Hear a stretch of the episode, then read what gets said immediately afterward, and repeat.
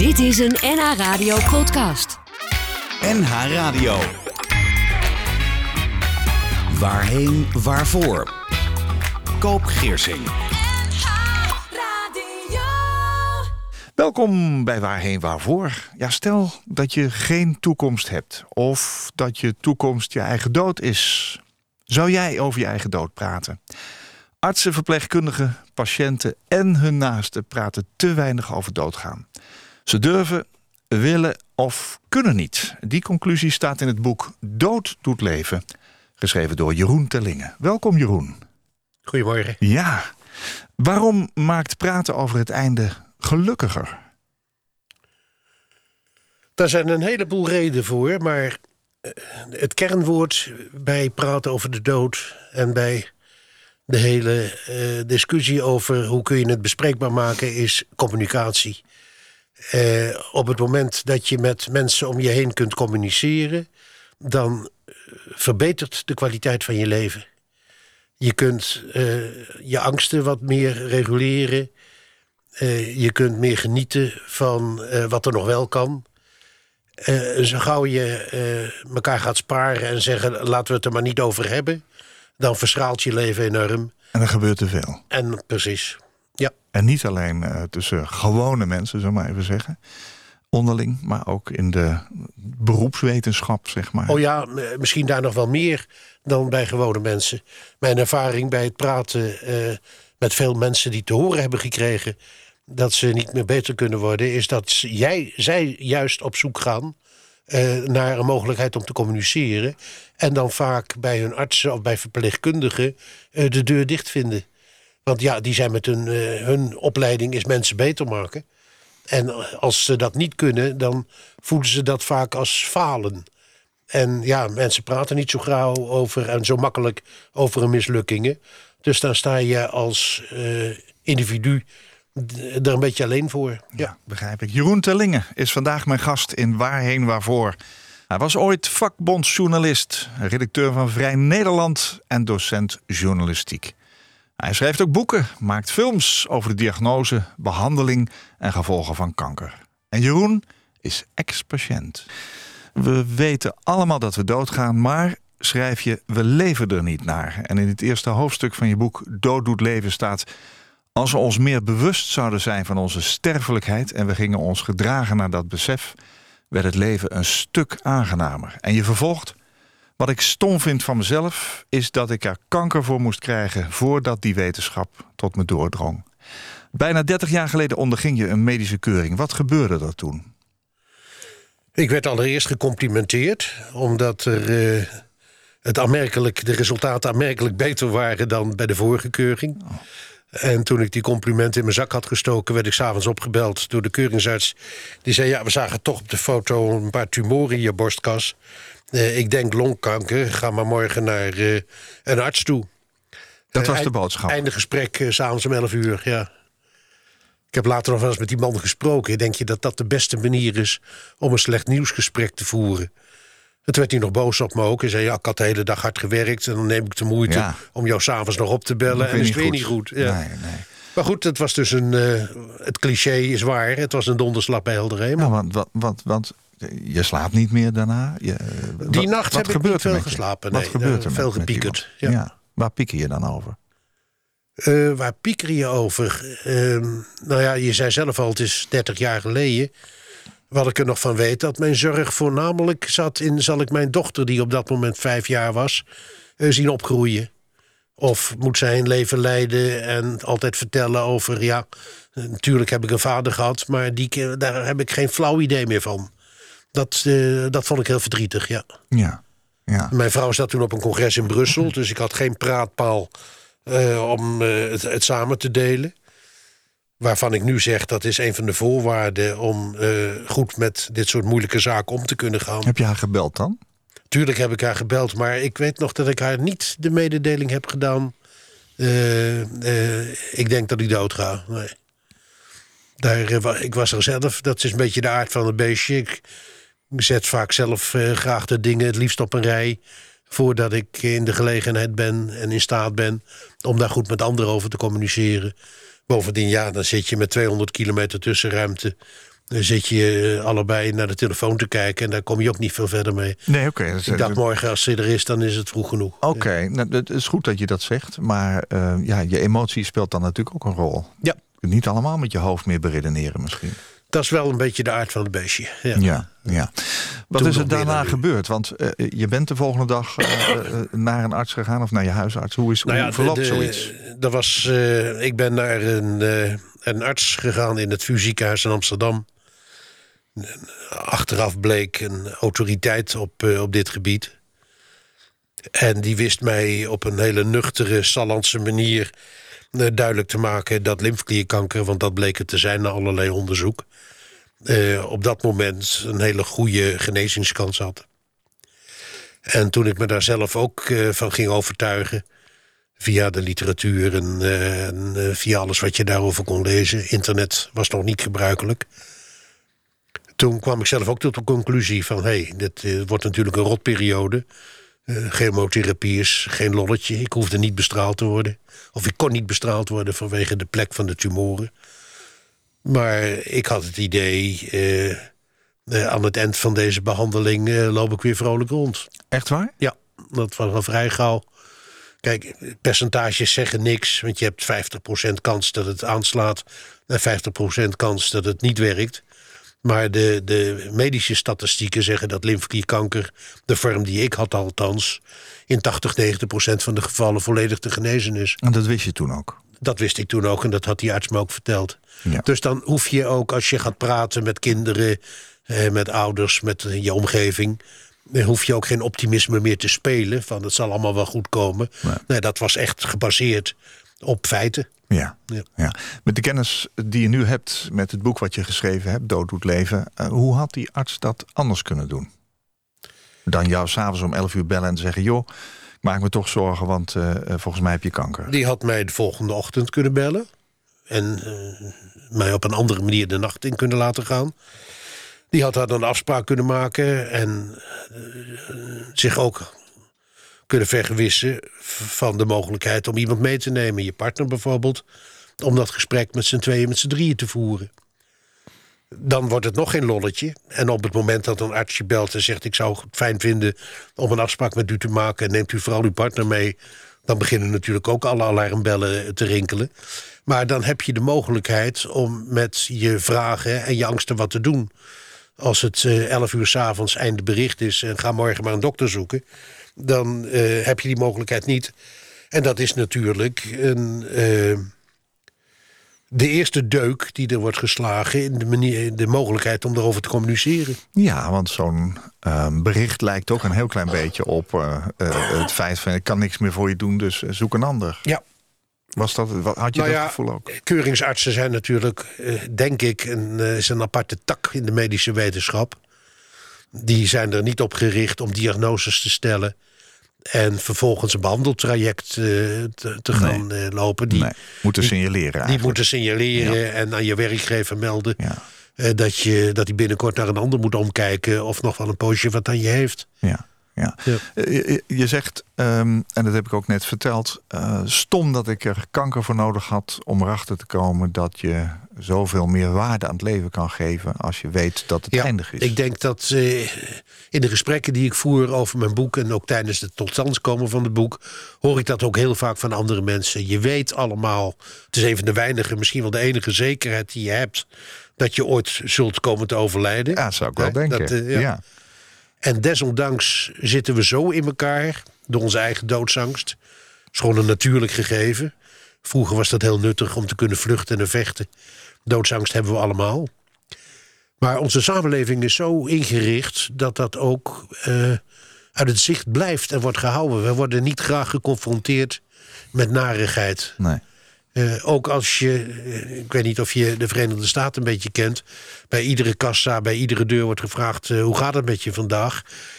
Als je dan zou zeggen, nou, niet zo best eigenlijk. Net een slechte... dan schrikken ze zich rot. Het, Ja, is, ja. het moet allemaal. Ongewenste antwoord zou dat exact, zijn. Ja, ja. ja. en onze hele, ons hele beeld van de, de wereld waarin we leven wordt ook erg beïnvloed door jong, strak, snel, succes enzovoort enzovoort.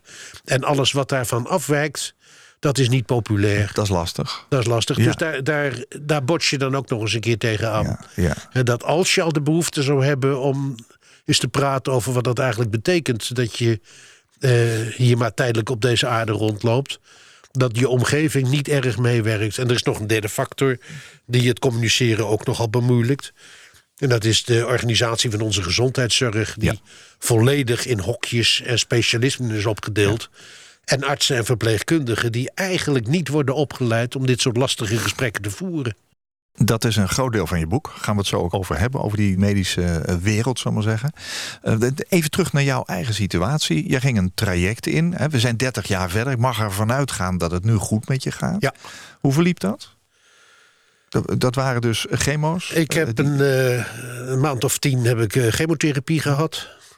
Daar word je heel erg ziek van. Ja, ik werkte op dat moment bij Vrij Nederland. Ik ben door blijven werken, maar wel met onderwerpen die het konden leiden dat ik eens een weekje niks deed als ik me te beroerd voelde. ja. Eh, dus dan, eh, op een gegeven moment merkte ik dat een van de vele eh, onderdelen van de chemotherapie kan bij sommige mensen je behoorlijk depressief maken. ja. Dat, als, toen ik dat in de gaten had en bijna op de dag nauwkeurig kon voorspellen wanneer dat bij mij zou toeslaan, vertrok ik meestal. Dan ging ik op reportage om mijn omgeving afleiding. niet al te Ja. zeer te belasten met mijn sores. En bovendien om in een omgeving te verkeren waar mensen je niet aanspraken op je ziek zijn, Ja. maar gewoon op het feit dat je aan het werk was. Dus dat maakte het ook al wel lichter. En op een gegeven ogenblik dan krijg je eh, het laatste gesprek met je arts. Die zegt dat je in remissie bent. Hij Wat zegt, niet, je bent, hij zegt niet je bent genezen. Maar hij zegt je bent in remissie. Dat wil zeggen dat hij denkt dat er geen kanker meer aanwezig is. En eh, ja, dan. Ik heb gemerkt, ik ben naar aanleiding van mijn eigen ziekteproces ben ik actief geworden in een patiëntenorganisatie. Ik heb gemerkt dat voor een heleboel mensen die eh, kanker hebben ervaren, dan de grootste problemen pas ontstaan. Ze zijn beter, maar opeens staan ze er alleen voor. In dat hele ziekteproces is iedereen verschrikkelijk aardig Oh ja, voor je. staat allemaal om je heen Ja, natuurlijk. eh, Ja. hoe gaat het nu met je? Red je het een beetje en eh, zet hem op. hè. Moet vooral veel gevochten worden, altijd, die afschuwelijke term. Hè, terwijl het een kwestie is van mazzel of pech... eh, wordt er altijd gesuggereerd dat je er zelf een heleboel aan kan doen... door te vechten en positief te zijn. Je reinste flauwekul, in mijn ogen. Maar goed, dan sta je er toch min of meer alleen voor. En nu weten ze, omdat er zoveel mensen overleven... dat de gevolgen van die behandeling op termijn ook heel zwaar zijn. ja. Eh, Vroeger ging iedereen dood aan kanker. Eh, naarmate er meer mensen overleven, weten we ook beter wat er daarna nog gaat gebeuren. snap ik. Ja. En lymfeklierkanker, waar een heleboel mensen eh, van overleven, daar is dat extra bekend. Ja. Hartproblemen door de cytostatica, tal van andere lichamelijke problemen, maar ook psychische problemen. Eh, eh, ja, ik heb, eh, ik heb er nou het grootste deel van mijn leven op zitten. Wat ga ik met de rest doen? ja. Je ziet dat heel veel relaties. Heb jij dat ook gehad? Ja. Heb, jij- heb jij ook, was dat een moeilijke tijd ook? Nou ja, Want je komt, neem ik aan, toch wel enigszins juichend die dag thuis. Hè? Van, nou, remissie, je legt dat uit. En, en, en eigenlijk ben ik vrij, hè? zoals ja mensen ook je, kunt zeggen. weer, je kunt de draad weer oppakken. Oh, je kunt weer. Ja. heerlijk, ja. ja. Als je niet de tijd neemt om goed tot je te laten doordringen wat je hebt meegemaakt, breekt dat je vroeg of laat op. ja. Je moet ook in zo'n proces eh, je toch goed tot je door laten dringen van... hé, hey, wat, wat betekent dat nou eigenlijk allemaal voor mij... en voor degene om wie ik geef in mijn directe omgeving.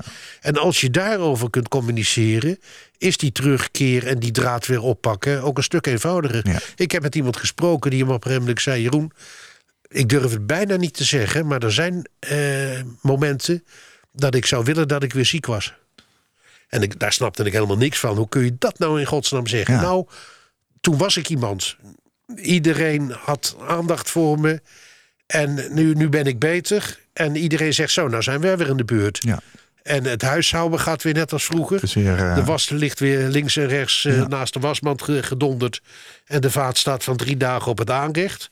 Eh, nou zijn wij weer aan de beurt, zoek jij het maar uit. Vind je, vind je weg daar maar eens in. Ja. Ja. Nou, heb jij tijdens die periode van dat hele ziek zijn, die tien maanden, ook aan je eigen dood gedacht? Aan je eigen uitvaart bijvoorbeeld? Heel kort. Toch wel. Heel kort. Vanaf het moment dat die arts zei... eh, geen lolletje, maar strak loop jij weer vrolijk rond... was dat eh, toch wel weer behoorlijk ver van mij af. Oké. Ik heb wel wat andere eh, blijvende ervaringen opgedaan. Bijvoorbeeld, hoeveel vergaderingen moet ik nou afzeggen... omdat ik ziek ben, waar ik absoluut niet word gemist... En dat bleken er nogal wat te zijn. Waar ik toch op, uit de een of andere ja, gemakzucht, soms ijdelheid. eh, al de er is geen enkele menselijke eigenschap mij vreemd. eh, waar je dan maar ja tegen zegt. Want het is toch makkelijker om maar mee te draaien.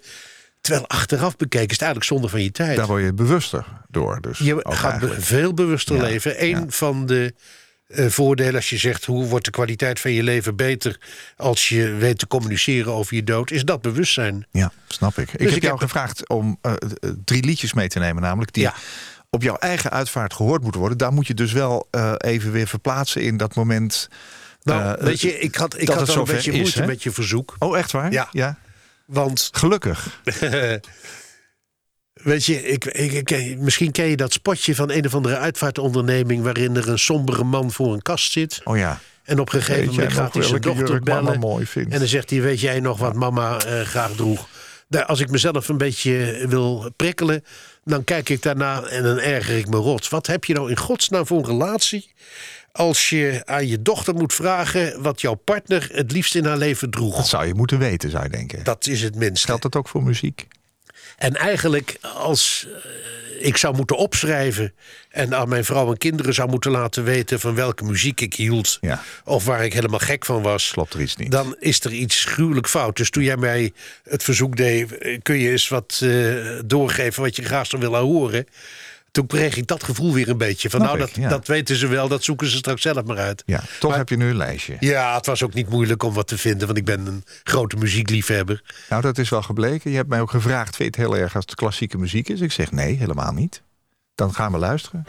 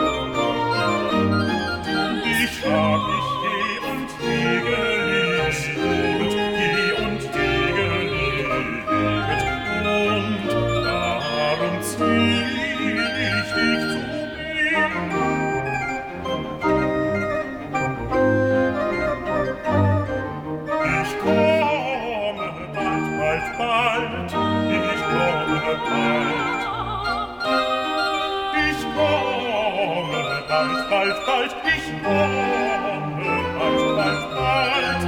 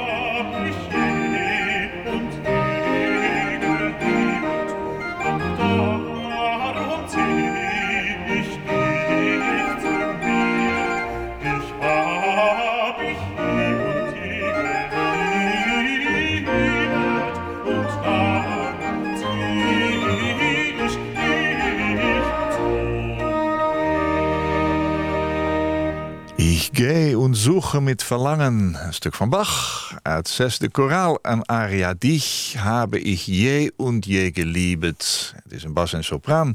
Ton Koopman, Amsterdam Barok Orchestra. En choir staat er dan weer in zijn Engels, want zo stond het op de cd.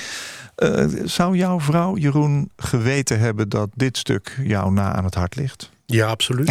ja, natuurlijk. Je kan niet anders meer zeggen nu natuurlijk. Nee, ook dat. Ja, ja. Maar ehm, ja, dat, ze, ze weet het. Ja, En eh, weet je, ik, ik vind niet dat je eh, de mensen om je heen exact dat ene ariaatje moeten kiezen. eh, waar jij op dat moment zo vol van bent. Ja. Want dat kan, zou over eh, zes maanden eh, best eens iets anders kunnen zijn. tuurlijk. Maar dat zij in deze sfeer van eh, Bach-kantates bijvoorbeeld... weten dat daar eh, mijn grote liefde ligt. En nog tal van andere componisten en muziekstukken ook natuurlijk.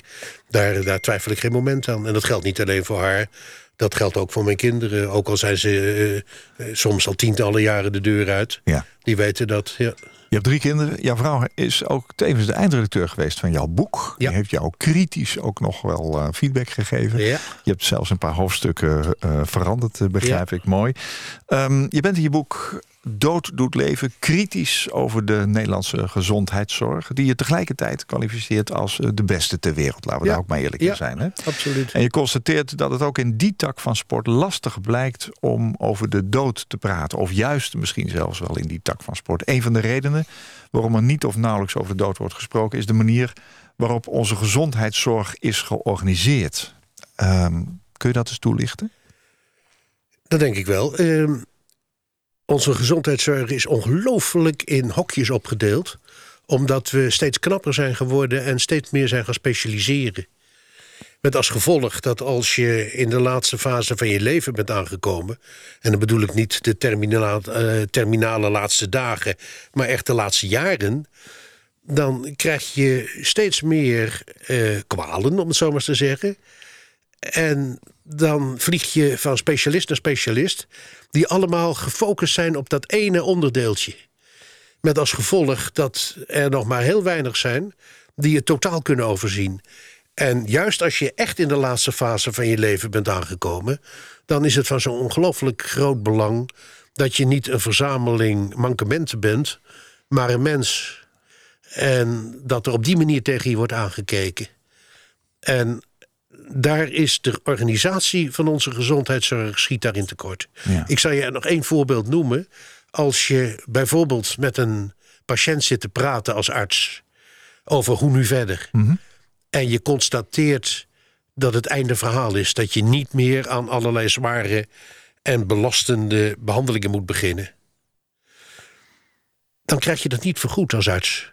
Want jouw gesprek heeft niet geleid tot een behandelingsplan en tot allerlei verrichtingen. Terwijl het van ongelooflijk wezenlijk belang is dat je daar alle tijd voor kunt nemen. Mhm. Maar een arts kan dat niet. Gewoon omdat dat niet bekostigd wordt. Dat zit niet in ons systeem. Nee. Dus dat is weer een van die bijna perfide dingen die je zou kunnen veranderen. Om ervoor te zorgen dat het praten daarover iets makkelijker wordt. Ja. En dat is dan de organisatie van de, de, de manier waarop je eh, met mensen over leven en dood praat. Ja, je, je zegt dat niet alleen in je boek. Eh, Je, je treedt ook nog wel eens een keertje op, hè, zo in het land. En je zit bij allerlei eh, zeg maar, eh, organisaties waar je deze boodschap ook eh, kwijtraakt. Ja. Je constateert ook in je boek dat het domein, nu een beetje lastig woord misschien, maar dat het gebied dood niet voorkomt eh, in bijvoorbeeld zorginstellingen. Nee. En, en, en, Nee. Er moet aan, oh, er moet, dus ze zijn de hele dag bezig volgens mij met afvinken en eh, dingen regelen. Maar daar gesprekken over voeren, dat gebeurt maar zelden of nooit. En dan krijg je bij een, een tweede eh, medisch mankement, zou ik het bijna willen noemen. Degene die die gesprekken zou moeten voeren, in de eerste plaats artsen, zijn daar ook verdomde slecht op voorbereid. hebben dat niet geleerd. Die, die leren dat niet. Je leert mensen beter maken. Eh, ik heb dat eens nagegaan. We hebben negen medische opleidingen in Nederland, negen universiteiten.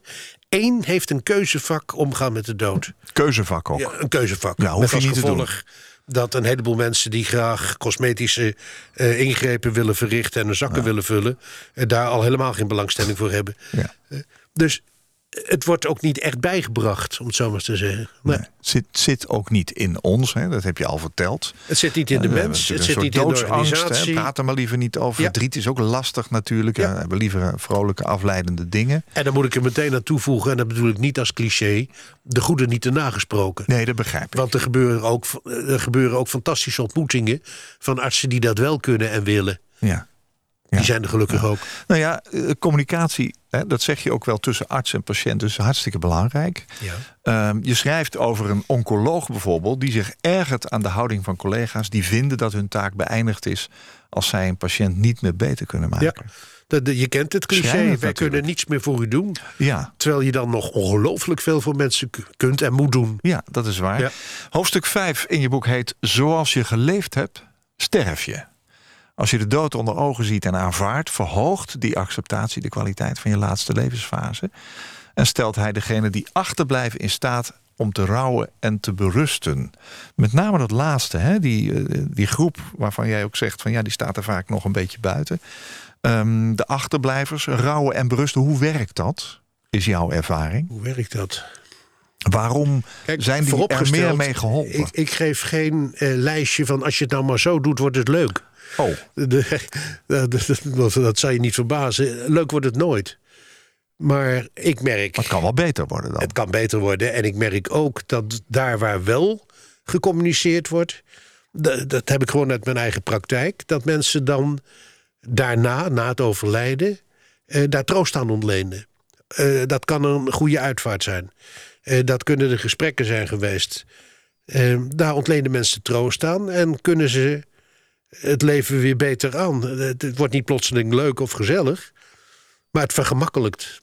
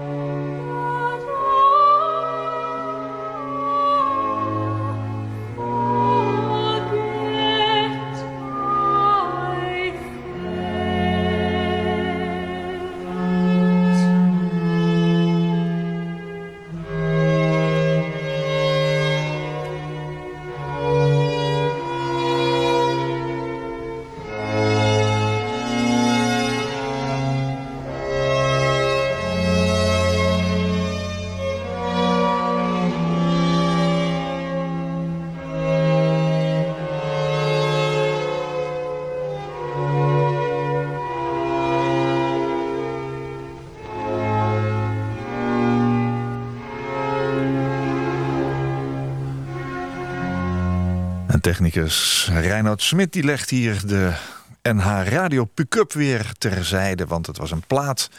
En maar Kirkby, jouw tweede liedje op jouw lijstje van drie, wat je eigenlijk niet wilde maken, omdat je het eh, aan je nabestaanden overlaat die jou goed genoeg moeten kennen. Waarom dit lied? Ehm, vooropgesteld dat eh, ik kies de muziek vooral eh, vanwege de muziek, niet vanwege de woorden. Ik ben niet gelovig, dus ook met, met Bach eh, hecht ik daar geen bovennatuurlijke betekenis aan. Het, het is puur de schoonheid van de muziek die, die ik waardeer en die me ontroert. En dat geldt hier ook voor. Eh, het is de melodie, eh, maar het is ook de onderliggende boodschap. leven zonder spijt. En graag herinnerd willen worden met je goede dingen. Ja. En niet met alle sores die je ongetwijfeld ook hebt meegemaakt. Maar het is wel een beetje een verdrietige melodie eigenlijk, ja, hè? het is een droevige melodie. Ja, droevig, ja. Dat is een mooi woord. Ik heb Jeroen Terlingen te gast, laat ik het nog een keertje roepen. Schrijver van het boek Dood doet leven, daar praten we over. Jeroen heeft zelf meegemaakt hoe het is om een eh, hele slechte boodschap te krijgen. En is daar gelukkig weer eh, goed doorheen gekomen. Er zijn twee plekken, schrijf je, waar de dood de aandacht krijgt die hij verdient. In een hospice en bij de uitvaartondernemer. Nou, zoals je weet ben ik uitvaartondernemer. Ik ben franchise-nemer van een van de grote drie uitvaartorganisaties. En een aantal jaren geleden was daar een commercial waarin Adelheid Rozen de dood besprak, eigenlijk omarmde. Met als doel die dood bespreekbaar te maken. En de negatieve reacties waren niet van de lucht. Waarom zou er behoefte zijn, las ik daaruit, om over dat einde te praten? Wat, wat, wat, wat vond jij daarvan? Nou ja, het is een bevestiging van de noodzaak van zo'n boekje. Eh, mensen die denken, als het, eh, als het zover is, is vroeg zat. Ja, En daar wil ik nu absoluut niet mee lastiggevallen worden. Ik denk dat er in dit geval ook nog bij kwam... dat eh, mevrouw Rozen een type is wat door sommige mensen wordt omarmd... vanwege haar persoonlijkheid en Ja. exact. En andere mensen maakt het niet uit wat ze zegt. Die krijgen bij voorbaat stoom uit hun oren... wanneer ze alleen maar deze mevrouw eh, in de verte zien aankomen. Dus Ja, nou, jij jij eh, citeert in je boek eh, reacties die je blijkbaar online gelezen hebt over deze. Die gaan ook heel erg veel over ja, waar we het eigenlijk vandaag over hebben. Dat die dood maar niet besproken mag worden. Ja, houd maar van me weg. Het is struisvogelwerk. Steek je kop maar in het zand. Dan, dan hebben we er geen last van. Ja. Terwijl als je er goed over praat, kun je gelukkiger worden. Absoluut, dat is mijn stellige overtuiging. En door het weg te houden en er niet over na te denken... en niet over te praten... verbetert de kwaliteit van je leven geen sikkepit. Is jouw leven verbeterd Ja. na jouw kanker? Ja. Vandaar dat ik ook in dat eerste hoofdstuk zeg... wat stom dat ik daar eerst die rotervaring voor nodig heb gehad. Ja, je, de kwaliteit van je leven verbetert. En er zijn een heleboel eh, redenen voor aan te wijzen... maar eh, ze komen allemaal bij elkaar in het woord gemoedsrust. Eh, op het moment dat je eh, kunt aan, eh, het echt kunt aanvaarden dan ontstaat er een soort gemoedsrust. En alleen die al verhoogt de kwaliteit van je leven. Ja. Ja, ja. Er zijn ook best goede voorbeelden, vind ik zelf, eh, eh, als het gaat om praten over dat moeilijke stukje. We hebben tv-programma's als eh, Over Mijn Lijk, hè, BNN, De Kist van de Ja. EO. Dit radioprogramma wil ik dan toch ook wel noemen. We hebben het hier eigenlijk wekelijks over leven en dood. Praten over je eigen sterfelijkheid. Hoe, hoe zouden we die bespreekbaarheid van het einde nog meer in onze maatschappij kunnen verankeren, wat jou betreft? Dat vind ik een hele moeilijke vraag. En de vraag is misschien niet zo moeilijk, maar het antwoord is erg lastig. Want Begint dat misschien ook in die gezondheidszorg ergens? het is een, het is een samenspel. Het is een samenspel. Ehm, ik zei straks dat ik de manier waarop onze maatschappij is georganiseerd, uiterst materialistisch. eh, ja, dat, je, je veroorzaakt geen maatschappijomwenteling met een boekje of met een radioprogramma of met een integer tv-programma. Maar allemaal met elkaar zijn het wel druppels die misschien de steen kunnen uithollen. Ik verwacht van geen van deze initiatieven een soort doorbraak. Maar als er zo links en rechts wat mensen pogingen doen om het bespreekbaar te maken. En dat, dat zie je wel heel erg veel. Volgens mij heb je hier ook in je uitzending ooit die eh, uitvaartondernemer gehad. die met speelgoed eh, probeert Richard Hattink. ja, de kinderen daarover Ja. aan het praten te krijgen. Ja. Eh, er is een initiatief dat heet Death Cafés. Daar organiseren mensen eh, door het hele land heen eh, bijeenkomsten waarin ze gewoon met een stuk koffie en een stukje zelfgebakken appeltaart bij elkaar komen. om eens te praten over: heb jij nog wat meegemaakt op dit gebied? En hoe ga je daarmee om? Kunnen we daar wat van leren? Ja. Nou, al dat soort initiatieven, hoe, hoe schaars ook, dragen er allemaal toe bij dat het misschien ietsje beter gaat. En een van mijn voornaamste conclusies in het boek is dat er eigenlijk in die gezondheidszorg mensen verantwoordelijk zouden moeten zijn. eh, om die dood bespreekbaar te maken. Ja. En dat hoeft niet een nieuwe functie te zijn die nu weer opgericht gaat worden. Maar je hebt in het hele land heb je palliatieve teams. Dat zijn eh, clubjes van artsen, verpleegkundigen, huisarts. eh, die met elkaar eh, praten en nadenken en de zorg organiseren voor mensen die in de laatste fase van hun leven zijn aangekomen. En daar zitten ongetwijfeld mensen bij die zo'n schaap met vijf poten kunnen worden. Ja. Die en kunnen luisteren en een gesprek kunnen antemeren. Die iemand kunnen helpen met eh, dit zijn de keuzemogelijkheden die er zijn. Eh, als je hiervoor kiest zijn dat de gevolgen. Als je daarvoor kiest ga je dit meemaken. Die een beetje helpen om het te overzien dat terrein. Ja. En ik denk dat dat verankeren in de gezondheidszorg... de kwaliteit van leven ook alweer enorm zou verbeteren. Ja. Aan het eind van je boek eh, pleit je vooral voor een doula.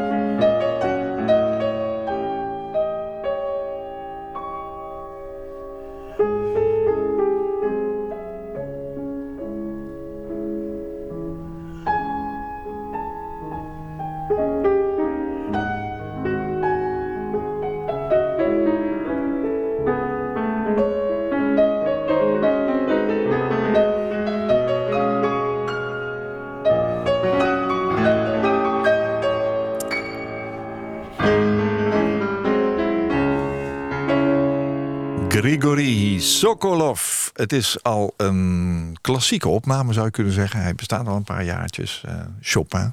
Jou, is dat jouw nummer één van deze drie, zullen we maar zeggen? Nee, bij Bach begint alles en eindigt alles mee. Maar eh, ik speel zelf een beetje piano en dit kan ik nog net aan. Je hebt weer pianoles ook, hè? Eh, ja, klopt. Ja. En ja, voor pianoliefhebbers is Chopin natuurlijk ook altijd een uh, meraboir, om het zo maar te zeggen. Ja, Daar krijg je nooit genoeg van. Ja. Nee, zeker niet. Eh, eh, voordat we dit lied eh, starten, pleitte jij eigenlijk, dat is ook een beetje de conclusie in je boek, eigenlijk begin je er ook mee, voor een doula. Wat is een doula van, van oorsprong? Dat heeft toch met de geboorte te maken doorgaans? Ja, in de gezondheidszorg, in, zeker in de Verenigde Staten, maar ook steeds meer in Nederland, komt er iemand om de hoek kijken die de, het, de man en de vrouw die ouders gaan worden, uh, helpt bij alles wat er op hen wegkomt. Dat is niet zozeer op de stoel van de dokter gaan zitten en allerlei medische adviezen geven. Dat zit ook heel veel in de de hulpsfeer. Hoe, kun je, hoe pak je het aan? Hoe kun je het aan? Hoe ga je met dit om? Hoe ga je met dat om? En ik denk dat het heel goed zou zijn als je in de laatste fase, vanaf het moment dat je te horen krijgt. Eh, je kunt nog een prachtig leven hebben, maar echt genezen van eh, je ziekte kun je niet. Dat er dan ook zo iemand om de hoek komt kijken die als je die nodig hebt. En dat wil ik benadrukken, want een heleboel mensen hebben hem niet nodig. Die kunnen het of zelf of hebben voldoende dierbaar om hen heen. Om in dat laatste eh, traject de goede wegen te kiezen. Maar er zijn ook mensen die de weg niet weten in het woud waar ze in dreigen te verdwalen. En dan zou het heel goed zijn als iemand die dus eh, eigenlijk een soort schaap met vijf poten is. Want je moet overal alles van weten. Ja. Maar je hoeft nergens echt specialist in te zijn. Want als je de wegen maar weet, als je maar kunt luisteren. Als je iemand kunt wijzen van denk daar eens over Ja. na. Of als je daarna op zoek bent, dan weet ik misschien nog wel iemand die je daar wat nader over kan informeren. Dat is toch iemand anders dan bijvoorbeeld een stervensbegeleider? hè? Absoluut. Absoluut. Ja, want stervensbegeleiding is natuurlijk iets wat in Nederland ook eh, veel bestaat. Maar is maar een heel klein stukje daarvan eigenlijk. En eh, voornamelijk op eh, geestelijke grondslag. Op de een of andere manier is dat spiritualiteit. Mhm. Van, wa- wat moet ik nu nog aan met de resterende uren, dagen die mij resten? Ja. Nee, dit kan ook eh, zijn van... ja, ik heb nu een aantal keuzemogelijkheden voorgelegen. Ik kan nog meedoen aan een experimentele behandeling. Maar ja, dan, dan verziek ik min of meer eh, de laatste weken van mijn leven... en doe ik niks meer. Maar ja, als ik niks meer doe, dan leef ik weer wat korter. Ja, ja, dat Eh, soort hoe, maak ik nou dit soort afwegingen? En zo'n doula... Ik denk dat er een ander woord voor moet komen, want oorspronkelijk betekende dienende vrouw. Nou, dat is helemaal niet, A, niet nodig dat het een vrouw is. Bij de geboortebegeleiding kan ik me dat voorstellen. Ja. Maar bij de stervensbegeleiding is dat absoluut geen voorwaarde. Nee. Bovendien denk ik dat eh, vandaag de dag niet eh, vrouwen het erg leuk vinden om altijd maar eeuwig in die dienende rol eh, gedrukt te worden. Andere dus discussie. We moeten een andere, ander- andere discussie, maar ook misschien een andere term. Ja. Als maar duidelijk is wat ik ermee bedoel. Dat je, dat je terug kunt vallen op iemand die jou helpt bij het maken van de goede keuzes. Ja. Mooie conclusie in een, eh, een boek wat ik met, met liefde gelezen heb. Wat mij ook inzichten gegeven heeft. Eh, mijn gast in Waarheen Waarvoor was Jeroen Terlingen. Hij pleit voor een doula, nogmaals een duizendpoot die iemand bijstaat in die laatste levensfase. Steun en toeverlaat is voor de naaste. Medische dilemma's overziet. De weg weet in de bureaucratie. Thuis is in zingevingsvragen. En weet wat het is om afscheid te nemen en te rouwen. En dat staat allemaal in zijn boek Dood doet leven, uitgegeven bij uitgeverij De Kring. Dankjewel Jeroen Terlingen voor jouw boek, maar ook voor jouw verhaal. Geen dank. Fijn dat je er was. Vond het ook heel plezierig. Ik wens je een mooie tijd toe. Dank je. Koop Geersing. Als jij een keer te gast wilt zijn in Waarheen Waarvoor om te vertellen over jouw levensreis, laat me dat dan weten via waarheenwaarvoor.nhradio.nl.